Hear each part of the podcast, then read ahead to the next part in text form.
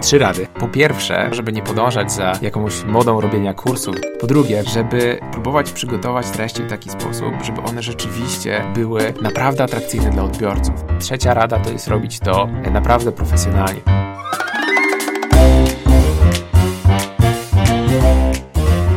Dwa Edu. Podcast o szkoleniach, prezentacjach i technologiach wspierających rozwój. Jeśli zależy Ci na efektywności szkoleń i interesują Cię nowinki techniczne, ten podcast jest właśnie dla Ciebie.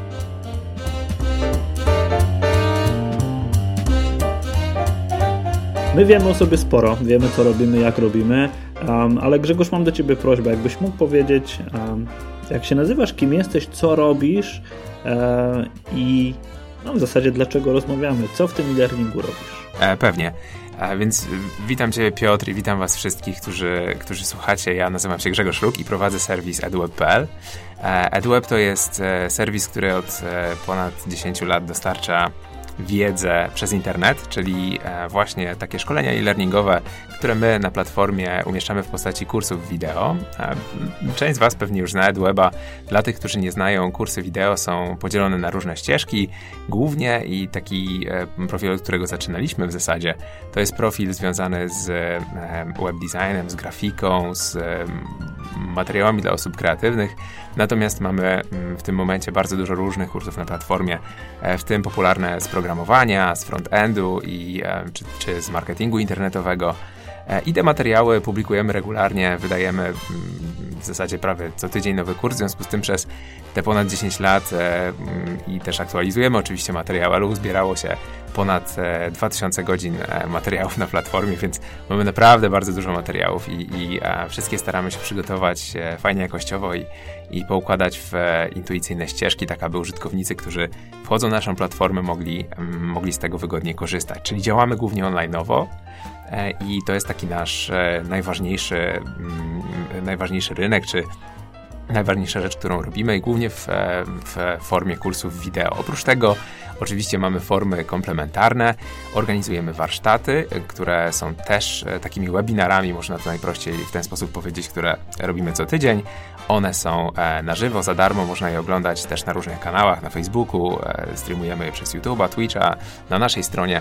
W związku z tym e, to są też takie rzeczy, które w pewien sposób angażują e, osoby, które się z nami, z nami uczą, jakoś uzupełniają kursy, aktualizują te kursy, które mamy. Mm, no i oprócz tego jesteśmy i na konferencjach, wydarzeniach. Ja sam też e, dość dużo konsultuję różnych rzeczy. Prowadzimy też szkolenia stacjonarne nawet u nas, bo mamy w Warszawie taki mały ośrodek szkoleniowy, w którym, w którym szkolimy naszych stałych klientów, więc no, robimy bardzo dużo rzeczy. Głównie koncentrujemy się na online i na szkoleniach w e, formie wideo, szkoleniach narzędziowych dla osób kreatywnych z, z właśnie tych dziedzin, o których e, wspomniałem.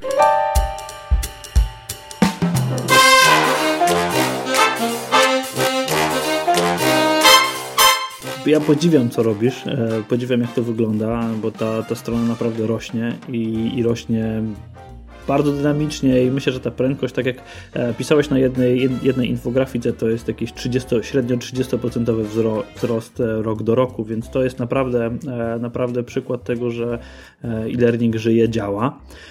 Ja kiedy robiłem research jakby przed tą naszą rozmową, zacząłem szukać, kiedy pojawiły się pierwsze wzmianki o EdWebie. No i jakby co udało mi się znaleźć, co, co sieć mówi i co w sieci wisi, no to przede wszystkim tak, no pierwszy wpis na blogu jest z 2012 roku.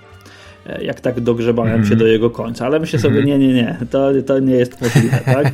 Twój LinkedIn mówi o czerwcu 2007, ale myślę, że tutaj datą, i teraz jakby Aha. oczywiście popraw mnie, jeżeli się mylę, Um, mhm. Ale datą kluczową to jest 25 maja chyba, bo wtedy świętowaliście 10 urodziny, więc myślę, że pomimo tego, że, mhm. że LinkedIn mówi czerwiec, to myślę, że to jednak mógł być koniec maja 2007. E, czy, czy to faktycznie była ta data? Tak, e, to znaczy mm, e, EdWeb się rozwijał stopniowo. Mm, krótko mm, zaraz ci opowiem historię, jeżeli cię to trochę interesuje. Jak najbardziej. Myślę, że może być ciekawe, natomiast rzeczywiście początki EdWeba są datowane na 2007 rok.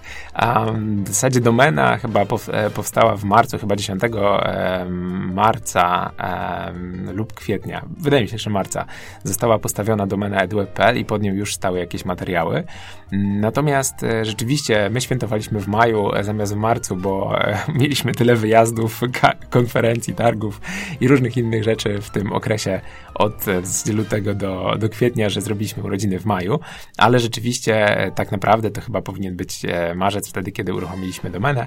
No, no i to był rok 2007. Natomiast już wcześniej um, ja działałem też e, w innych formach, gdzieś e, pod e, też innymi jakimiś domenami, czy w ramach serwisów, które wtedy były mm, popularne, teraz już trochę mniej albo w ogóle nie istnieją dla osób, które zajmują się grafiką, web, mm, dla webmasterów, dla osób, które tworzyły rzeczy wtedy jeszcze we Flashu. Takie też były trochę moje początki, bo e, ja e, swoją jakby karierę zawodową zacząłem dosyć wcześnie, bo ja już jakieś zlecenia robiłem w, w szkole średniej i e, robiłem wtedy właśnie grafiki, różnego rodzaju strony internetowe, zajmowałem się Flashem i później zacząłem pracować dla coraz większych firm, e, czyli już nawet e, w, w liceum pamiętam, że, że miałem taki, e, taką część etatu w agencji reklamowej w Łodzi.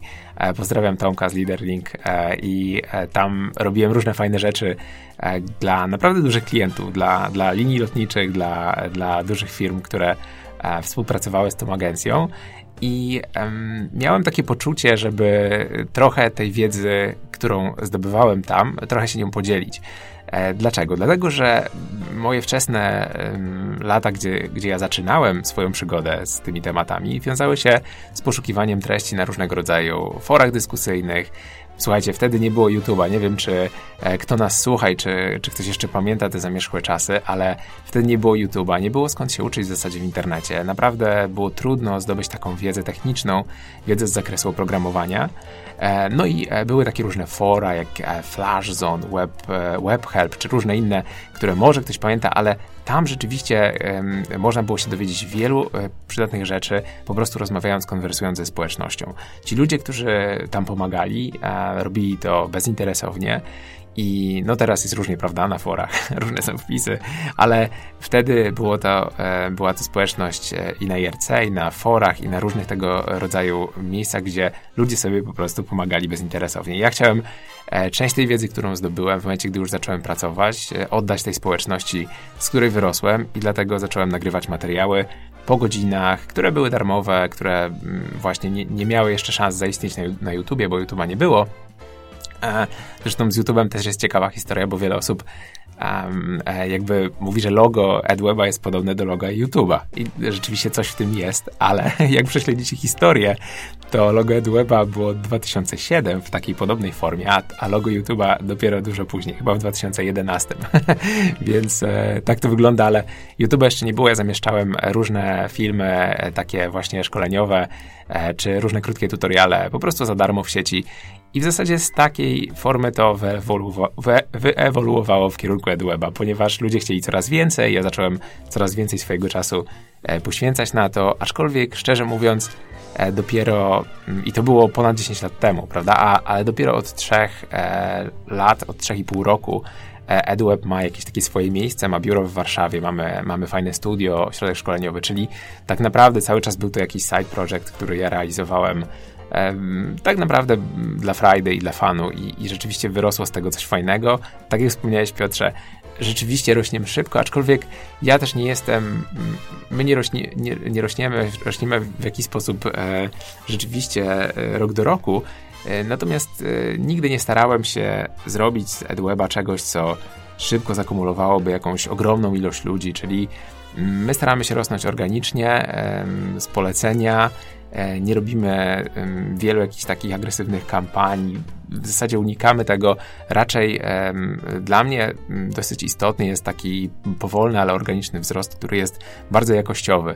I e, gdybyś mnie zapytał, czy wolę na przykład mieć 20 nowych użytkowników dziennie, czy jutro 1000 użytkowników, e, to pewnie wybrałbym, wybrałbym opcję systematycznego wzrostu po 20 użytkowników. Uważam, że to właśnie generuje taką fajną wartość i no, pozwala nam przez te 10 lat naprawdę e, systematycznie rosnąć, ale też w taki sposób, że klienci, których mamy, możemy im pomóc, w jakiś sposób się znamy. Nie jest to, nie jest to jakaś taka wielka jeszcze maszyna.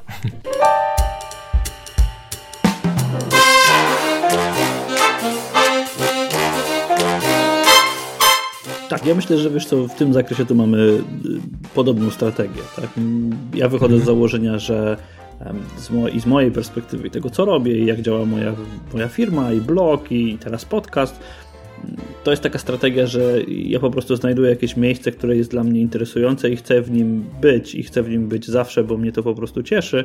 E, I myślę, że tutaj, mhm. jest, e, tutaj jest bardzo podobnie. Ale kiedy już wspomniałeś o, e, o YouTubie i tym, że może oni inspirowali się twoim logo, to... nie sądzę. To jakby... tak bym tego nie ujął. No nie, no, oczywiście, ale... Natomiast my się nie inspirowaliśmy ich, to, to pewne. Tak, ja zacząłem patrzeć jakby czym mogliście się inspirować. Zacząłem się zastanawiać mm. nad tym, co mogło być inspiracją i um, pierwsze co pomyślałem, a może Creative Life, life e, Chase'a mm. Jarvisa, ale myślę sobie, no nie, mm. e, bo z tego co kojarzę, to Creative Life e, jakby początek jest e, datowany na 2009, ale jest jedna strona, oczywiście wszyscy ją znają, myślę, w e-learningu, Linda.com, która Jasne. była wcześniej, nie? E, I to chyba był 95 rok, jeżeli się nie mylę, kiedy ona wystartowała. Powiedz mi, mhm. czy EdWeb mm, pozycjonujesz go jako oczywiście markę naszą, rodzimą. Materiały są w języku mhm. polskim, co jest ogromną, ogromną wartością dodaną w, wobec na przykład, nie wiem, właśnie Creative Life czy Lindy. Mhm. Powiedz mi, na ile ta Linda była inspiracją? Czy w ogóle była inspiracją? Y, na mhm. ile jest inspiracją? Bo, bo, to jest jednak, wiesz, jakby Jasne. taki pewien punkt odniesienia, który pewne trendy uruchamia, mhm. jakby na, na ile się inspirujesz nimi? E, wiesz co, e, Linda jest oczywiście e, bardzo dużym graczem, jest, jest ogromnym serwisem z ogromną ilością kursów. Trudno mi jest, szczerze mówiąc, przypomnieć sobie, czy rzeczywiście ja znałem Lindę w momencie, gdy uruchamiałem EdWeba. Wydaje mi się, że jednak pewnie nawet jeśli znałem, to, to zupełnie nie był to dla mnie jakiś wzór, ponieważ ja we wczesnym etapie tworzenia tego serwisu zupełnie nie myślałem o tym jako o jakimś, o czymś komercyjnym, co ja będę rozwijał, wiesz, w tym kierunku, w związku z tym ja chyba nie, e, nie robiłem jakiegoś takiego researchu pod tym kątem, nie, nie inspirowałem się tego typu. Natomiast no, na pewno znałem Lindę. Wydaje mi się, że, że, na, że na pewno gdzieś tam, gdzieś tam rezonowała e, Linda i ich podejście. Nie wiem, jak wtedy wyglądało, gdy ja zaczynałem, jak wyglądało dokładnie to, co oni robili. Natomiast e, rzeczywiście mm, im bardziej, im bardziej się AdWeb rozwijał, tym prawdopodobnie e, bardziej zbliżał się do tego modelu, który, który jest na Lindzie. W związku z tym e, naturalnie mm, te wszystkie serwisy, które, które istnieją, o których wspomniałeś, czy, czy, czy to Linda, czy e, jakiś Skillshare, czy Udemy, czy, czy wiele innych, które, które gdzieś funkcjonują od dłuższego czasu, prawdopodobnie teraz można by było mm, porównywać i, i inspirować się nimi, czy patrzeć na to, jak jak to wygląda. Natomiast wtedy, jak, jak zaczynałem, to naprawdę był taki, e, było coś, co, co robiłem dla fanu. Nie oglądałem się za dużo na, na jakieś inne serwisy e, i, i to wyrosło, tak jak wspomniałem, dosyć organicznie, więc to nie było tak, że ja zakładałem, że na, nagle zrobię stronę, na której będzie to, to i to.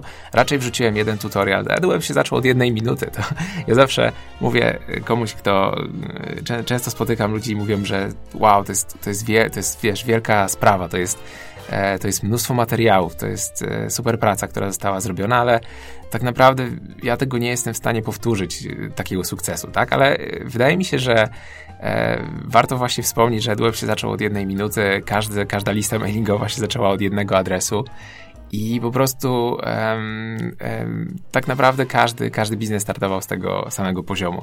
Nawet czasem uruchamianie czegoś e, w tym momencie, później, jest bardziej wartościowe z punktu widzenia technologicznego, zdobytej wiedzy, doświadczeń, e, niż e, próba konkurowania z jakimiś serwisami, które istnieją od wielu, wielu lat. Wydaje mi się, że na przykład model, który oferuje Linda, czy, czy wiele innych serwisów, które mają bardzo dużo kursów, jest też modelem, który mm, będzie w jakiś sposób modyfikowany i mm, trudno mi jest tutaj powiedzieć, czy Linda ma ten problem, ale, ale być może oni mm, e, nie mogą tak łatwo zmodyfikować tego, co jest na stronie, z tego powodu, że mają bardzo dużo przywiązanych użytkowników, bardzo dużo osób, które już korzystają z jakiegoś serwisu i jeżeli ktoś myśli, zastanawia się nad założeniem może nie, nie tej formy biznesu, ale jakiejkolwiek e, w zasadzie, to tak naprawdę myślę, że nie warto patrzeć na, na to, co jest na rynku. Jeżeli macie jakiś na to pomysł, to warto go realizować. E, oczywiście małymi krokami. i po prostu reagować na feedback, który dostajecie z rynku. To, to, to jest coś, co mogę Wam polecić. Ja zawsze słuchałem moich klientów od, od tej pierwszej minuty. Tak naprawdę to oni determinowali kierunek, w którym, w którym będziemy się poruszać i nie traciłem czasu na, na śledzenie czy to konkurencji, czy, czy, czy, czy, to w Polsce, która się pojawiała, pojawia i jest, jest bardzo dużo serwisów mm, tego typu, e, czy to e, zagranicznej. E, ja oczywiście gdzieś tam znam te serwisy i też sam z nich korzystam, bo ja uważam, że wideo jest świetną formą nauczenia się, więc ja też się uczę w ten sposób. Natomiast te fajne wtedy rzeczy, inspiracje można wybrać, natomiast nie sądzę, że warto w ten sposób właśnie patrzeć, bo często żaden projekt by nie powstał, gdybyście rozejrzeli się dookoła i zobaczyli, a ktoś już to wymyślił. Ale wartością jest to, że wy potraficie zrobić to inaczej. E, każdy zaczynał od tej jednej minuty, a dodatkowym obciążeniem dla serwisów czy dla usług, które już istnieją, rzeczywiście może być to, że ich baza użytkowników jest już przyzwyczajona do jakichś rozwiązań. Ja teraz e, właśnie wróciłem ze Stanów z Adobe Max, gdzie rozmawiałem z zespołami produktowymi Adobe, między innymi Photoshopa. E, między innymi rozmawiałem z product managerami Photoshopa, których mm, którzy ciągle opowiadają mi, jakie nowe funkcje dochodzą do Photoshopa, e, a tak naprawdę oni nie są w stanie nic zabrać, dlatego że jeżeli zabierają jakąś funkcję, która jest przestarzała, Photoshop ma 25 lat, nie, więcej, chyba 28, i jeżeli oni zabierają jakąś funkcję, od razu dostają z rynku e, feedback na zasadzie oni robią to na taką skalę i Photoshop jest tak ogromnym aplikacją agregującą tak ogromną ilość ludzi, że w zasadzie każda funkcja się komuś przydaje. I jeżeli coś zabierają, dostają, wiesz, tysiąc maili na support, że gdzie to jest, muszą, muszą. Więc, e, więc um, biznesy, które istnieją od dawna, mają takie trochę obciążenia. E, I e, myślę, że po prostu nie trzeba się oglądać na to i robić coś swojego. EdWeb wyrósł bardzo, bardzo na komentarzach klientów. Bardzo to polecam. Mm, słuchanie klientów, odpowiadanie na ich potrzeby, rozmawianie z nimi. Ja bardzo często rozmawiam z, z, moimi klientami. Może mam kogoś od e, obsługi klienta, to, to bardzo często się tam sam też włączam, śledzę to, jak wygląda, wyglądają wątki na, na Zendesku, z którego korzystamy i gdzie są opinie klientów i bardzo, bardzo zwracamy na to uwagę, więc e, myślę, że to jest e, też taka dodatkowa wskazówka. Mhm. Nie mogę się z tym nie zgodzić, e, ale przeczytałem sobie taką książkę Zero to One. W zasadzie nie wiedziałem o tym nawet, że ona była sławna, po prostu gdzieś mi tam wpadła, wpadła w ręce i stwierdziłem, dobra. I tam jest taka, tam jest ta teoria o monopolistach albo o tych, którzy robią coś 10 razy lepiej. I teraz e, mam takie przewrotne pytanie, jak się czujesz jako monopolista w szkoleniach kreatywnych, takich online na polskim rynku?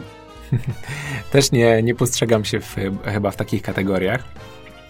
I wydaje mi się, że e, w ogóle książka Petera Thiela, ja też ją e, czytałem już jakiś czas temu, ona jest taką swojego rodzaju mantrą w Dolinie Krzemowej. Rzeczywiście tam te wszystkie startupy e, budują, budują w oparciu o Zero to One. No, może nie wszystkie, ale, ale naprawdę jest to też książka warta do przeczytania i warto wyciągnąć z niej jakieś wnioski. Moim zdaniem jakby dążenie do tego, żeby twój produkt był 10 razy lepszy od e, konkurencji, jest e, bardzo dobrym założeniem, natomiast czasem może być onieśmielające dla osób, które, które zaczynają i które no tak naprawdę boją się, że one nie mają do końca pomysłu na to, jak, jak zrobić coś 10 razy lepsze, może, może coś, co, co będzie trochę lepsze. I powiem wam, że nie trzeba się zupełnie tym zrażać. Zmodyfikowałbym teorię Petera, który, który, um, która, którą zrobiłbym w ten sposób, że tak naprawdę twój produkt będzie 10 razy lepszy, ale, ale z czasem nie, nie próbuj zrobić od razu czegoś, co jest w ogóle nie wiadomo jakie, bo za dużo czasu spędzisz po prostu na, em, na, na, na, na rozkminianiu tego, na, na dopracowywaniu tego. I widziałem wiele firm i, i też startupów, które po prostu mm, tak mocno się, się zakręciły w to, żeby dopracować e, produkt e, i, i, pracowały na nim tak długo, że zupełnie nie, nie uwzględniły takiego rynkowego, rzeczywistego feedbacku. I, I moim zdaniem lepiej jest zrobić, oczywiście warto zacząć od czegoś, co jest lepsze niż to, co jest na rynku, ale wbrew pozorom nie jest to aż takie trudne. Tak mi się wydaje, jeżeli masz E, jeżeli jakby jesteś przekonany, że chcesz to zrobić. To znaczy, jeżeli już masz pomysł na coś, to nie jest tak, że a może bym zrobił jakiś projekt i wypisuję sobie 10 produktów, które może by były popularne na rynku. Nie. Moim zdaniem musi to wynikać z takiej innej jakiejś potrzeby wewnętrznej zrobienia czegoś, jeżeli się na czymś znasz, wiesz, że coś jest potrzebne, albo z czegoś korzystasz i wydaje ci się, że mogłoby być to zrobione lepiej. Moim zdaniem wystarczy na początku zrobić to rzeczywiście trochę lepiej w oparciu o Twoją wizję, a później pracować z użytkownikami tak, aby w konsekwencji było to 10 razy lepsze od konkurencji. I to jestem w stanie jakby mm, powiedzieć, że na 100% da się to dowieść, tak? I w, te, w, tej, w, mm, w, tym, w tej perspektywie teoria e, z tej książki to One jest super, weź też pod uwagę, że my troszeczkę inaczej działamy na naszym podwórku e, niż cała Dolina Krzemowa. Ja e, ostatnio spędziłem trochę czasu właśnie w San Francisco i, i w okolicach właśnie w Dolinie Krzemowej i tam tam rzeczywiście jest zupełnie inna skala tego, co się robi, zupełnie inaczej podchodzi się do budowania projektów.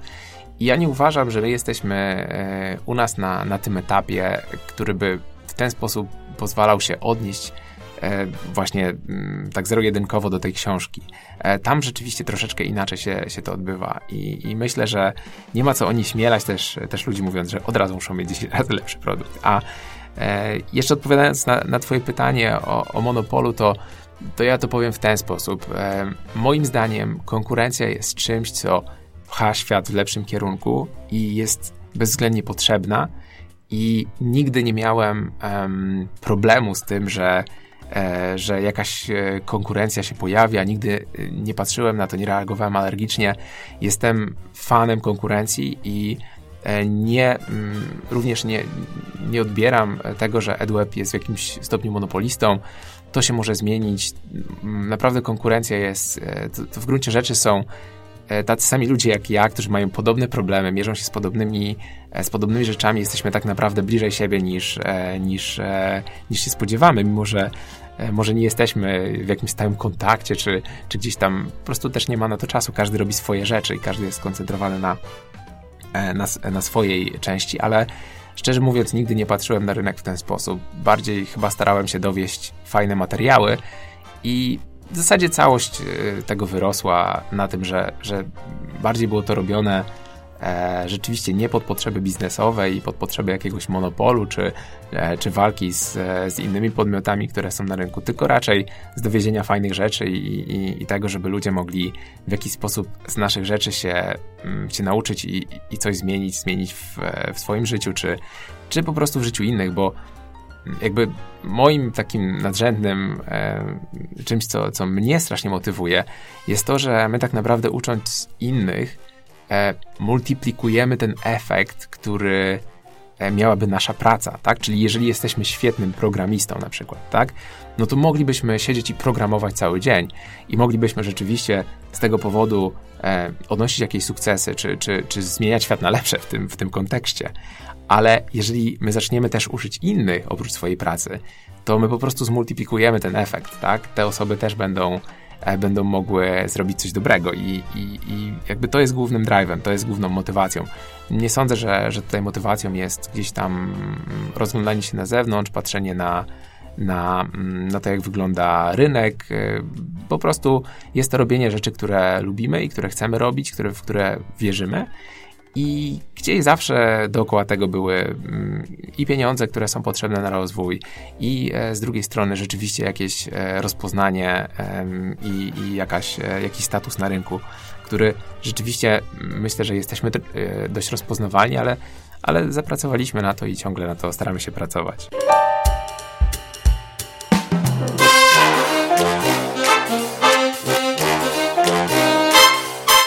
To zanim zadam kolejne pytanie, to chcę połączyć pewne kropki, bo powiedzieliśmy o tej długiej tradycji.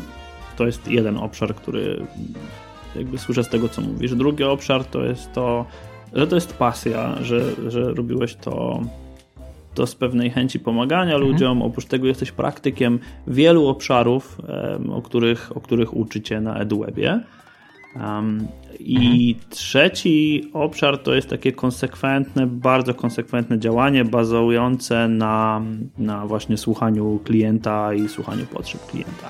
I teraz jak patrzę na te trzy obszary, to one stoją w pewnym dystansie do tego, co się aktualnie dzieje na rynku um, szkoleń online, kursów online, e-learningu, czy jakkolwiek nazwiemy dostarczanie treści rozwojowych przez internet. Bo Pojawiają się kursy, mhm. zrób e-learning tam w x dni, um, wystarczy, że będziesz coś wiedział i już się możesz tym dzielić. Um, jakby pewne mhm. mechanizmy też um, sprzedażowe zostały wprost za, zaczerpnięte z e, multilevel marketingu, który nie tak dawno temu święcił triumfy popularności, nie wiem czy efektywności, ale popularności. I teraz, jak z perspektywy osoby, która działa na tym rynku profesjonalnie, profesjonalnie realizuje modele biznesowe sprzedaży takiej wersji blended learningowej, jak oceniasz tę sytuację? A, a mhm. po drugie, y, jakie widzisz, jakie widzisz ryzyka takiego pójścia na skróty? Mhm. Jasne. E, po pierwsze, wydaje mi się, że jeśli taka sytuacja ma miejsce, jeśli tak, tak ją diagnozuję rzeczywiście, ja obserwuję, że rzeczywiście pojawia się dużo nowych e, materiałów, e, pojawiają się ludzie, którzy chcą się dzielić swoją wiedzą. Dla mnie to zjawisko jest ogólnie bardzo pozytywne. To znaczy, ja odbieram to w ten sposób, że im więcej ludzi chce się dzielić wiedzą, nawet jeżeli to jest na poziomie jakimś trochę bardziej amatorskim, nawet jeżeli nie mają, a wiesz, możliwości czy, e, czy wiedzy na temat tego, jak e, skutecznie ją przekazać, to tak naprawdę e, samo robienie tego jest już czymś dobrym, a później to, jak to jest odebrane, rzeczywiście weryfikuje i myślę, że, że, że te mechanizmy, które mamy i, i, i, ludzie, którzy, którzy to później oglądają, oni są w stanie zweryfikować, czy jest to rzeczywiście wartościowy materiał, e, czy nie jest to wartościowy materiał. To, co może być jeśli bralibyśmy pod uwagę taką sytuację problemem w kontekście rynku, to być może to, że rzeczywiście pewnie trudniej jest zacząć. To znaczy, ja jak zaczynałem z EduWebem, e, gdyż Piotr nie było tak naprawdę konkurencji i, i, i zaczęliśmy to robić, czy ja sam zacząłem to robić w taki sposób, że mm, też słuchałem feedbacku, ale było mi w miarę łatwo dotrzeć do, e, do odbiorców, do potencjalnych odbiorców. Natomiast e, w momencie, gdy na rynku mm, pojawia się bardzo dużo wiedzy mm, przez, oferowanej przez różne podmioty, przez różne osoby, no to tak naprawdę tym osobom jest trochę trudniej się przebić. To na pewno jest prawda.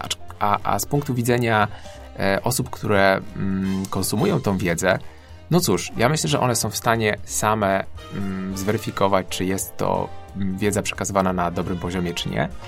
I mm, no jest tu takie zjawisko, które, które rzeczywiście jeszcze do, dodaje do tego tematu, e, które może warto dodać. E, bardzo modny stał się content marketing ostatnio i to jest e, świetny sposób na reklamę co spowodowało, że bardzo dużo firm zaczęło wypuszczać jakieś kawałki wiedzy, które oferują za darmo w zamian za zapisanie się na listę e, i e, i tutaj rzeczywiście tego jest mnóstwo, tak? Możesz e, znaleźć milion darmowych e-booków na każdy temat tak naprawdę.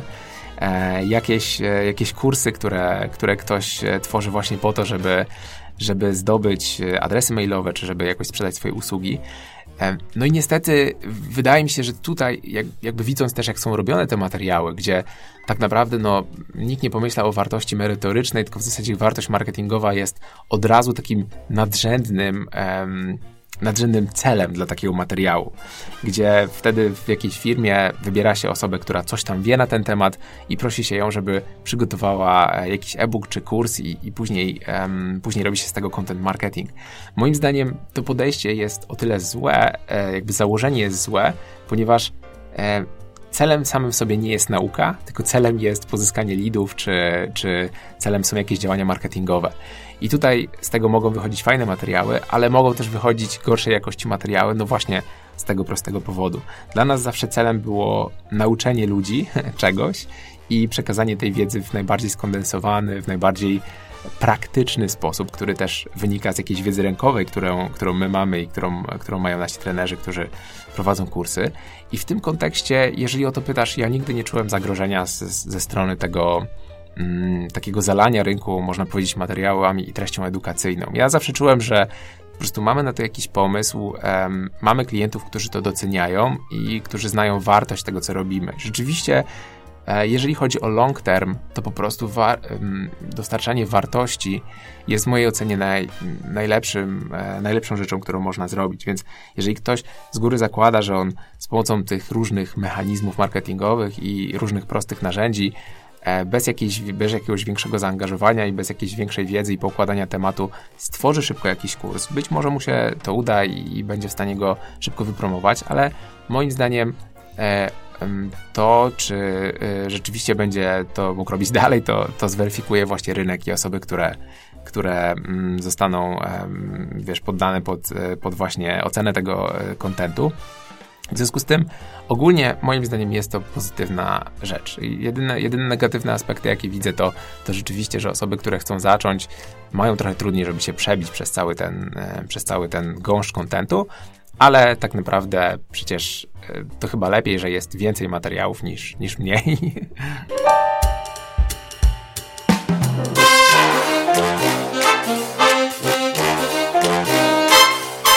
Przyznam, że mnie trochę uspokoiłeś, bo ja czasami wpadam w taki tryb e, paniki, nie tyle, mm, nie tyle paniki o własną sytuację, czy ja sobie dam radę e, w, tym, w tej nowej sytuacji, ale raczej paniki o to, że wielu ludzi zrazi się do, do tworzenia treści, a tworzenie treści, uczenie innych to jest no przecież, tak jak sam wspomniałeś, fajna zabawa i to może być dobra mhm. praca i też pasja.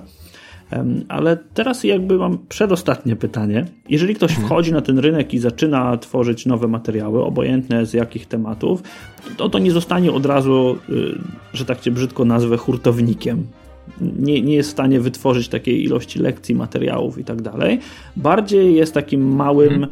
Małym żuczkiem, rzemieślnikiem i czasami rozmawiam z ludźmi, którzy zaczynają od e, wiem, kursów, które dostarczają na grupie na Facebooku i to przenosi mnie bardzo, bardzo szybko do tych czasów, o których, e, o których ty wspomniałeś, czyli hmm. Flash Zona i, i, i tych takich sytuacji, które pytań, które się gdzieś na IRCU pojawiały mhm. I, i to, jest, to jest generalnie moim zdaniem ten sam model i teraz patrząc z tej, z tej perspektywy 10 lat twojego doświadczenia e, jakie trzy rzeczy e, radziłbyś tym początkującym twórcom materiałów edukacyjnych online, żeby żeby się nie zrazili do tematu. Nie tyle, żeby odnieśli natychmiastowy sukces, co żeby się nie zrazili do, do tematu. Od czego powinni zacząć, co powinni zrobić w takich powiedzmy trzech krokach, e, żeby, e, żeby to była dla nich frajda. Trzy rady. Dobrze, e, spróbuję. Myślę, że po pierwsze, takim, takim koncepcją, która jest obowiązkowa, jest to, żeby nie podążać za jakąś modą robienia kursów, że że nagle to jest, e, nie wiem, może być dochodowe, to może ja to, to, może ja to jednak w to wejdę. Raczej wydaje mi się, że mm, naprawdę wartościowy content i sukces są w stanie osiągnąć te osoby, które w jakiś sposób naturalnie czują chęć podzielenia się wiedzą i czują, że mają tą wiedzę do zaoferowania. I e, to jest pewien fundament. Wiem, że może to, to, to taki, takie puste słowa, ale jest to naprawdę ważne, żeby czuć, że chcesz to robić, a nie tylko być motywowany tym, że w sumie są te fajne mechanizmy i teraz dużo ludzi o tym gada i, i może zacznę to robić. E, uważam, że, że w życiu jest jednak najważniejsze robienie czegoś, co się lubi, więc e, to jest pierwsza ważna metoda. Po, drugie, e, po drugie, ważna rada. Po drugie, ważne jest też to, żeby y, spróbować przygotować te treści w taki sposób, żeby one rzeczywiście były naprawdę atrakcyjne dla odbiorców. Mm, to jest trochę tak jak, jak e, z e, konferencjami, na których e, często słucha się nieudanych wystąpień, nieudanych prelekcji. I często mam wrażenie, że wynika to z tego, że sam prelegent mówi o tym, o czym on chciałby opowiadać, a nie o tym, czym, o czym chcą słuchać jego odbiorcy. W jaki sposób e, dochodzi do pewnego dysonansu, gdzie ja rzeczywiście jestem przekonany, że to jest super fajne, ale trafiam na grupę osób, na grupę e, słuchaczy, którzy, którym rzeczywiście ta wiedza nie jest albo do niczego potrzebna, mm, albo uznają, że jest to przegadane, bo rzeczywiście robię to w jakiś zawalowany sposób i nie przygotowałem się na tyle dobrze, żeby mieć to fajnie wypunktowane i mieć, móc opowiedzieć o konkretach. E, I wydaje mi się, że tutaj istotne jest to, żeby też zbadać jakieś potrzeby mm, osób, które będą odbiorcami takiego kontentu, a nie robić kursów, które mm, po prostu wydaje mi się, że fajnie by było je zrobić, bo, bo, ja, ten temat, bo ja ten temat gdzieś tam eksploruję, lubię i w ten sposób to, to wyjdzie. Więc, e, więc słuchajmy zawsze ludzi. To jest taka druga rada, żeby spróbować nakierować to na mm, odbiorców, co wcale nie wyklucza tego, że żeby czerpać z tego frajdę albo robić rzeczy, których się nie lubi.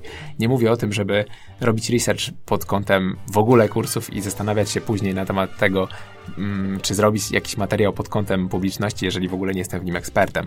Jestem przekonany, że można zrobić materiał, który będzie bardzo fajnie przyjęty, ale jednak uwzględniając pewne potrzeby i mieć z tego frajdę, ale nie będzie stricte tym, co, co dokładnie ja wymyśliłem jako, jako najlepsze, co może być. Więc e, mm, słuchać ludzi, zdecydowanie. Mm, e, no i e, robić to, trzecie, trzecia rada to jest robić to e, naprawdę profesjonalnie, czyli dostarczać to na naprawdę dobrym poziomie. I tutaj może popadnę w taki dysonans e, z rzeczywiście e, tym, co widzimy na tych grupach e, i, i, i też o, o, tym, czym mówią, o czym mówią specjaliści, marketerzy, osoby, które zajmują się promocją tego typu materiałów.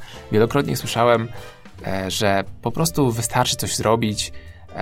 Jeżeli masz coś do powiedzenia, to, to wystarczy jakiś jakiś najgorszy mikrofon, cokolwiek, usiąść, po prostu to zrób i i, i wypuść to. To może być dobra rada, jeżeli chcesz właśnie zebrać e, feedback na temat tego, co chcesz zrobić i zdecydowanie Wam to polecam. Więc wtedy można nagrać taki krótki filmik, właśnie wrzucić na grupę na Facebooku, zapytać się, czy, czy to jest dobry pomysł. To jednocześnie działa w pewien sposób promocyjnie, bo ludzie zaczynają dowiadywać się o Twoim projekcie, zaczynają dowiadywać się o tym, co, co chcesz zrobić i, i później mogą to śledzić. Ale z drugiej strony, jeżeli już rzeczywiście robisz content, to proszę zadbaj o to, aby on był zrobiony naprawdę na poziomie, to znaczy, żeby miał te podstawowe zasady, które, które powinien mieć taki, taki kurs, czyli żeby był jak najbardziej spójny, zwięzły, żeby nie zawierał niepotrzebnych informacji. Um, ja też mam do czynienia z autorami, mamy ponad 50 autorów e, na bieżąco ich tutaj coachujemy, współpracujemy z nimi. Jest dużo rzeczy, które są uniwersalne, takich praw pewnie byśmy musieli zrobić na to osobny podcast, ale um, jedną z nich jest na przykład to, że często ludzie próbują na początku lekcji każdej w zasadzie się przedstawić, opowiedzieć coś o tej lekcji, co w niej będzie. Ja raczej jestem zdania, że powinno to być od razu przejście do celu, czyli od razu zacznijmy mówić o konkretach, a nie o tym, o czym będziemy mówić za chwilę. E, I w związku z tym takie głównie, główne moje wskazówki są, są też, i tych wskazówek miałbym sporo, ale, ale do tego, żeby jednak tą treść robić jakościową. I może to być, tak jak wspomniałem, może jakoś rezonować, może być w dysonansie do tego, co, e, co mówią właśnie marketerzy, żeby zrobić na szybko, jak najwięcej materiałów, e, e, nie przejmować się jakością produkcyjną. Ja jednak się tym przejmuję i może ja nie robię dobrze, ale z drugiej strony widzę, że mm, że EdWeb ciągle zdobywa popularność i, i, i, są o nim bardzo dobre opinie i my na tych opiniach budujemy też z polecenia dużą grupę klientów, którzy, którzy do nas przychodzą i uważam, że jednak na, dłuższy, y, na dłuższą metę ta jakość jest rzeczywiście czymś, co, e, co determinuje, że, mm, no, że, że możemy robić to dalej i, i, i, i że, i że rośniemy. Mhm.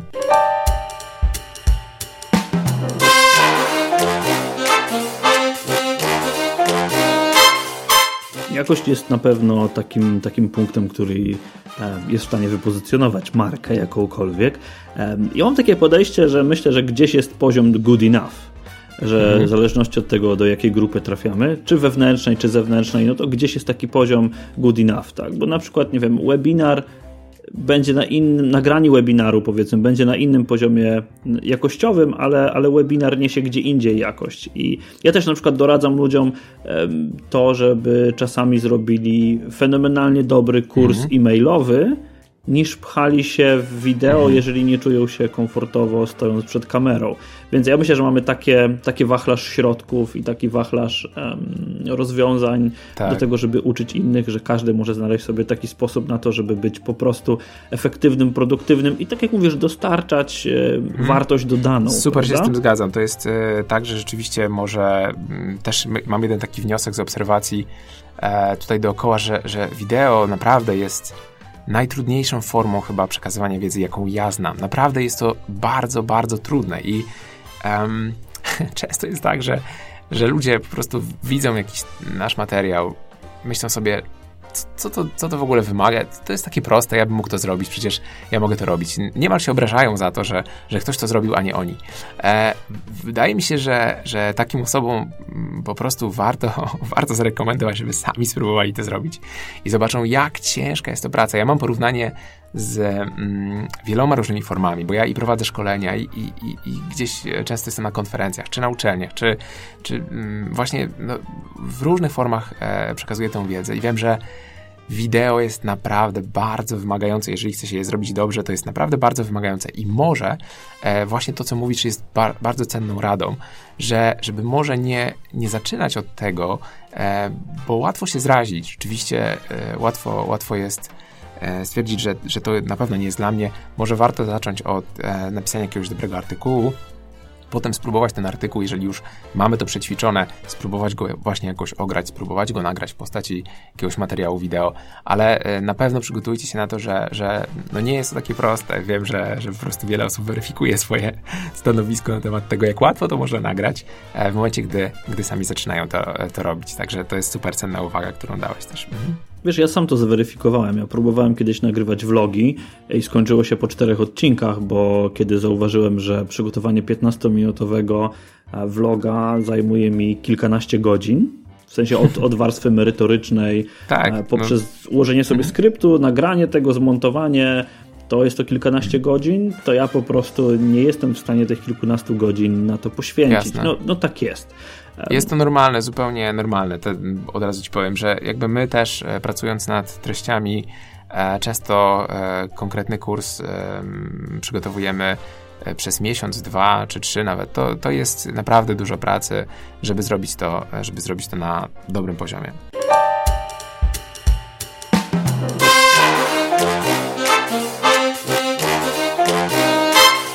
Ja mam ostatnie pytanie teraz. E, bo wspomniałeś na samym początku, że EduWeb powstał w cieniu Twoich innych zajęć.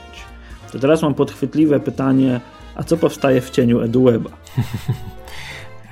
Te wszystkie moje inne zajęcia dalej funkcjonują. To znaczy, e, ja rzeczywiście robię dość duże, duże rzeczy naraz, co jest trochę Um, ja, się, ja się nauczyłem już odmawiać, bo rzeczywiście ja miałem duży problem z odmawianiem. W związku z tym brałem na siebie 50 e, projektów, a później moja natura e, niestety jest taka, że ja muszę to wszystko dowieść, więc e, siedzenie po nocach i, i, praca po 16 godzin dziennie jest e, czymś, co jak najbardziej tutaj wchodzi w grę, wchodziło w grę. E, to słuchajcie, to też nie jest tak, że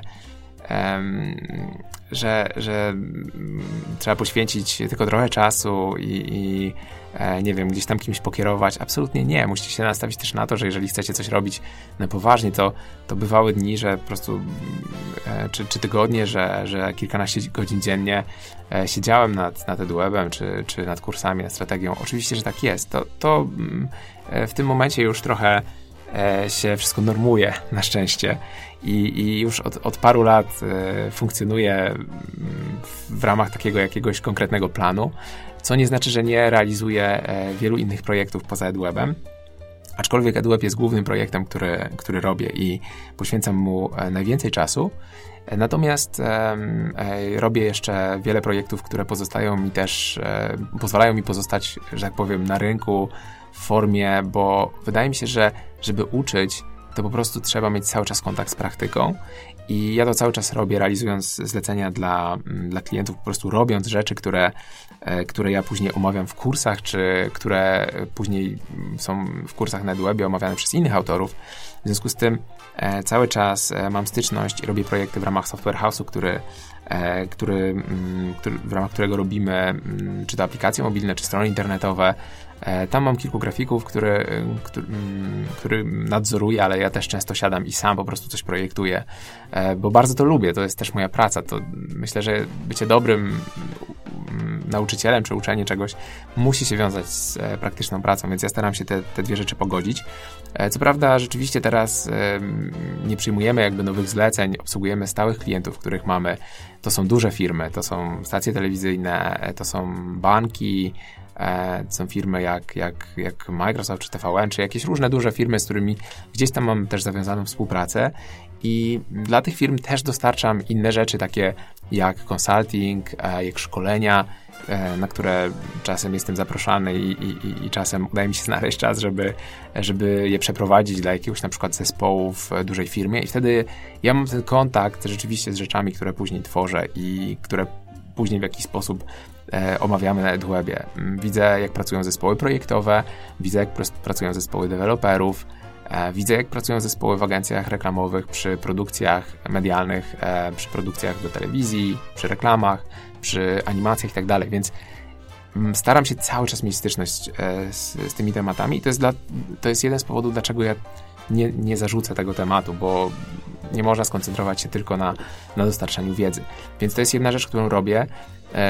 Kolejne side projekty, które mam, może nie są aż tak istotne, nie konsumują tyle czasu, ale, ale w wielu projektach pomagam. E, pomagam w projekcie mojej żony, który teraz startuje, pomagam e, w, w kilku innych inicjatywach, które gdzieś tam e, kiełkują. Też jako mentor trochę doradzam, staram się mm, też w tym całym środowisku być i, i oprócz tego mamy, oprócz EduWeba przecież robimy bootcampy, współpracujemy z Polsko-Japońską Akademią Technik Komputerowych e, i tam um, nawet dzisiaj jadę, żeby ocenić pracę studentów, bo, bo przygotowali naprawdę świetne prace. Także um, też tych rzeczy dookoła jest bardzo, bardzo dużo. E, ostatnio też uruchomiłem e, taki mały wycinek EduWeba dotyczący tylko UX i UI, czyli tylko tych rzeczy, którymi stricte ja rzeczywiście mocno się zajmuję i, i które mnie najbardziej interesują. Uruchomiłem to E, po angielsku jako learnux.io e, i e, też byłem w, ostatnio w Stanach promować ten projekt. Tam mm, są kursy, które, które ja przygotowałem i kilkadziesiąt godzin materiałów nagrałem po angielsku i uruchomiłem w ramach takiego projektu, który, nad którym teraz też dosyć dużo pracuję. Także cały czas jest, jest, jest dużo tych rzeczy i rzeczywiście myślę też, że robienie projektów, nie koncentrowanie się tylko na jednym projekcie, jest dobre. To nie jest tak, że oczywiście można sobie wrzucić na głowę 50 rzeczy i, i można je robić równie dobrze. Absolutnie nie. Natomiast e, nie wchodzenie bardzo głęboko w jakiś, e, w jakiś temat jest w mojej ocenie dobre, bo mm, w momencie, gdy był tak, była taka chwila, że pracowałem tylko nad EdWebem, żeby mocno go rozwinąć i mm, przyłapywałem się na tym, że, że tak naprawdę staram się kontrolować absolutnie wszystko. Um, jesteśmy już na etapie, gdzie, gdzie oczywiście mamy kilku pracowników, każdy zna swoje zadania, ale mimo wszystko gdzieś miałem taką wewnętrzną potrzebę, żeby tak czy inaczej kontrolować gdzieś tam większość rzeczy. Wydawało mi się, że to mogło być zrobić, zrobione lepiej, to mogło być zrobione lepiej. E, I z perspektywy czasu uważam, że nie jest to podejście dobre, że jednak nie trzeba tak głęboko wchodzić w szczegóły, trzeba zaufać ludziom, trzeba, trzeba um, zbudować sobie zespół e, i projekty, które się realizuje obok, pomagają ci po prostu nie mieć czasu na to. czyli, czyli wtedy się koncentrujesz tylko na tych, na tych najważniejszych rzeczach, um, które, które są do zrobienia. E, ja jeszcze jedno, jedną taką radę, bo, bo miały być trzy dla, dla tych osób, które tworzą materiały, ale mam jeszcze, mam jeszcze taką jedną bonusową radę.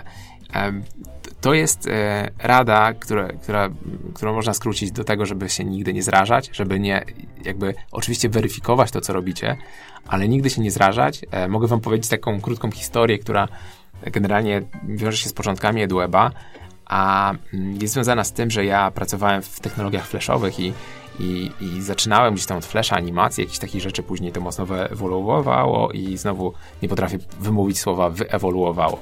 E, ale generalnie jest to historia związana z tym, że ja kiedyś nagrałem taki kurs, który e, dotyczył projektowania mm, aplikacji we Flashu na telefony komórkowe.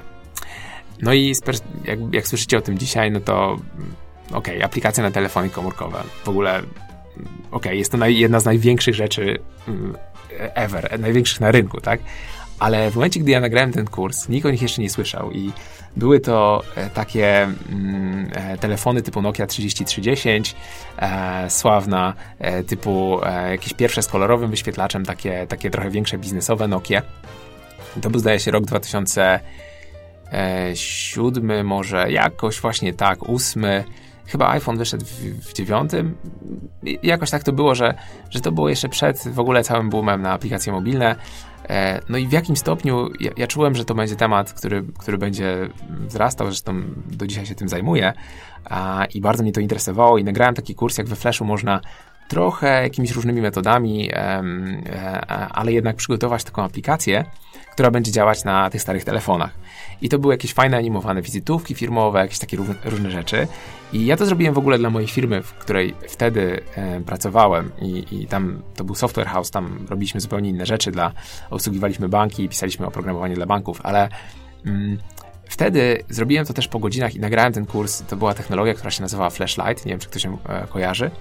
Ja no pamiętam i, coś takiego. Ta, I ona pozwalała właśnie tworzyć takie, takie jakieś rzeczy na telefon, czyli coś jak strony e, internetowe, ale to działało jednak na telefonie, jakby aplikacja natywna. E, no i byłem strasznie tym, tym zajerany, ale e, poświęciłem ze 3 miesiące, naprawdę, na 3, 3 miesiące na zrobienie kursu, żeby on był perfekcyjny, żeby dało się zrobić e, tą fajną wizytówkę. E, wrzuciłem go na, na EdWeba, który już wtedy funkcjonował, jakoś od niedawna, ale funkcjonował. I słuchajcie, tak jak jakieś inne kursy, które tam tworzyłem, pierwsze właśnie z Flasha czy, czy z Dreamweavera, e, jakoś cieszyły się popularnością, tak, tego nie kupił nikt. I, i byłem, byłem naprawdę e, załamany o tyle, że, że stwierdziłem, że kurczę, to jest technologia, w którą ja, ja napisałem taki post na jakiegoś wczesnego bloga, który wtedy istniał, że, że to jest coś, co w ogóle zmieni świat, tak, że te aplikacje mobilne, że róbcie to, zajmijcie się tym i tak dalej i, i korzystajcie z tego kursu. E, no, i, e, no i nikt go nie kupił i w zasadzie przez e, okres kolejnych tam paru miesięcy kupiło go dosłownie parę osób, później ten kurs jakoś umarł, bo ta technologia się przestała być aktualna. No i no i byłem nim bardzo zawiedziony, w sensie takim, że, że ja w to wierzyłem, w ten projekt i z drugiej strony miałem poczucie, że, że też straciłem trochę czasu, że, że poświęciłem za dwa miesiące czy trzy na, na przygotowanie kontentu, na stworzenie tego kursu i, i tak naprawdę nikt z niego nie, nie skorzystał. No i słuchajcie, z, z kilka lat później, z siedem lat później e, byłem w, e, w, wtedy jeszcze w biurze Adobe, które, które było w, e, w Sheratonie na Placu Trzech Krzyży. I byłem wtedy w biurze Adobe, coś tam robiliśmy, jakieś projekty z Adobe. No i e, na korytarzu spotkał mnie taki, e, taki bardzo, bardzo fajnie e, w ogóle wyglądający, kolorowy pan, starszy pan, który biegł do mnie z drugiego końca korytarza po to, żeby, żeby mnie wyprzytulać, więc ja najpierw nie wiedziałem, gdzie się wzywa ochronę albo, albo jak zareagować w ogóle na tę sytuację, ale gość normalnie tam zrobił mi trzy miesiaki i powiedział, że on E, jest jedną z osób, które, które kupiły ten kurs Flashlighta i i on zainspirował się na tyle tym tematem, że był emerytowanym e, strażakiem w ogóle. I wyjechał z miasta, mieszkał w Warszawie, wyjechał z miasta, w ogóle gdzieś przeprowadził się na wieś na emeryturę. Wiecie, strażak ma emeryturę dosyć wcześnie, więc to nie był jeszcze aż tak, e, aż tak sędziwy człowiek. E, natomiast on E, stwierdził, że on nie jest w stanie funkcjonować tam na wsi, że, że jednak tak go ciągnie do miasta, do robienia jakichś rzeczy, że, że on musi z tej emerytury wrócić, coś zacząć robić. I wtedy trafił na ten kurs i rzeczywiście strasznie się zajawił tą, tą technologią i zaczął, zaczął robić aplikacje, zaczął w jakiś sposób tam je sprzedawać i, i później przeszedł też na inne, inne platformy, ale generalnie to, co zrobił, to e, otworzył, e, otworzył firmę, która, która w tamtym czasie, nie wiem jak teraz, e, trzeba było e, trochę prześledzić historię, ale myślę, że, że nadal jest jednym z największych w Polsce dostawców e, aplikacji mobilnych. Wtedy już miał e, kilkanaście osób na, na pokładzie, tam właśnie w Sheratonie miał biuro i, i pracował nad, nad tworzeniem tych aplikacji mobilnych i, i, i sobie pomyślałem wtedy, kurczę, w zasadzie jedna ta osoba zrekompensowała mi cały ten ból, który miałem związany z tym, że że nikt się nie interesuje tym kursem, że nikt go nie kupuje, że, że tak naprawdę poświęciłem czas na coś, co jest, co jest niepotrzebne. I, I obiecuję wam, że nawet, nawet to, nawet to, że, że ten kurs nie zarobił na te trzy miesiące mojej pracy, to jest wszystko nieważne. To, to, że ten człowiek przyszedł i on rzeczywiście, on może mi pomoże kiedyś w życiu, tak? To nie wiadomo, jakie są, e, jak się, jak się nie wiadomo na jakim etapie e, ktoś, kto kiedyś korzystał z waszych rzeczy, kto, kto rzeczywiście docenił to, co zrobiliście, nie wiadomo na jakim etapie przyjdzie też wam z pomocą. Ja myślę, że trzeba też inwestować w takie relacje i naprawdę nie zrażać się tym, że, że coś tam nie idzie. Robić reality check, oczywiście, nie nagrywać 50 kursów przez 5 lat i później próbować je wydać, tak? Tylko robić reality check cały czas, sprawdzać, um, słuchać ludzi ale naprawdę iść dalej, jeżeli nawet uważacie, że coś wam się nie uda, bo może to za, za jakiś czas do was wrócić i, i, i okaże się, że, że rzeczywiście było to, było to warte poświęcenia.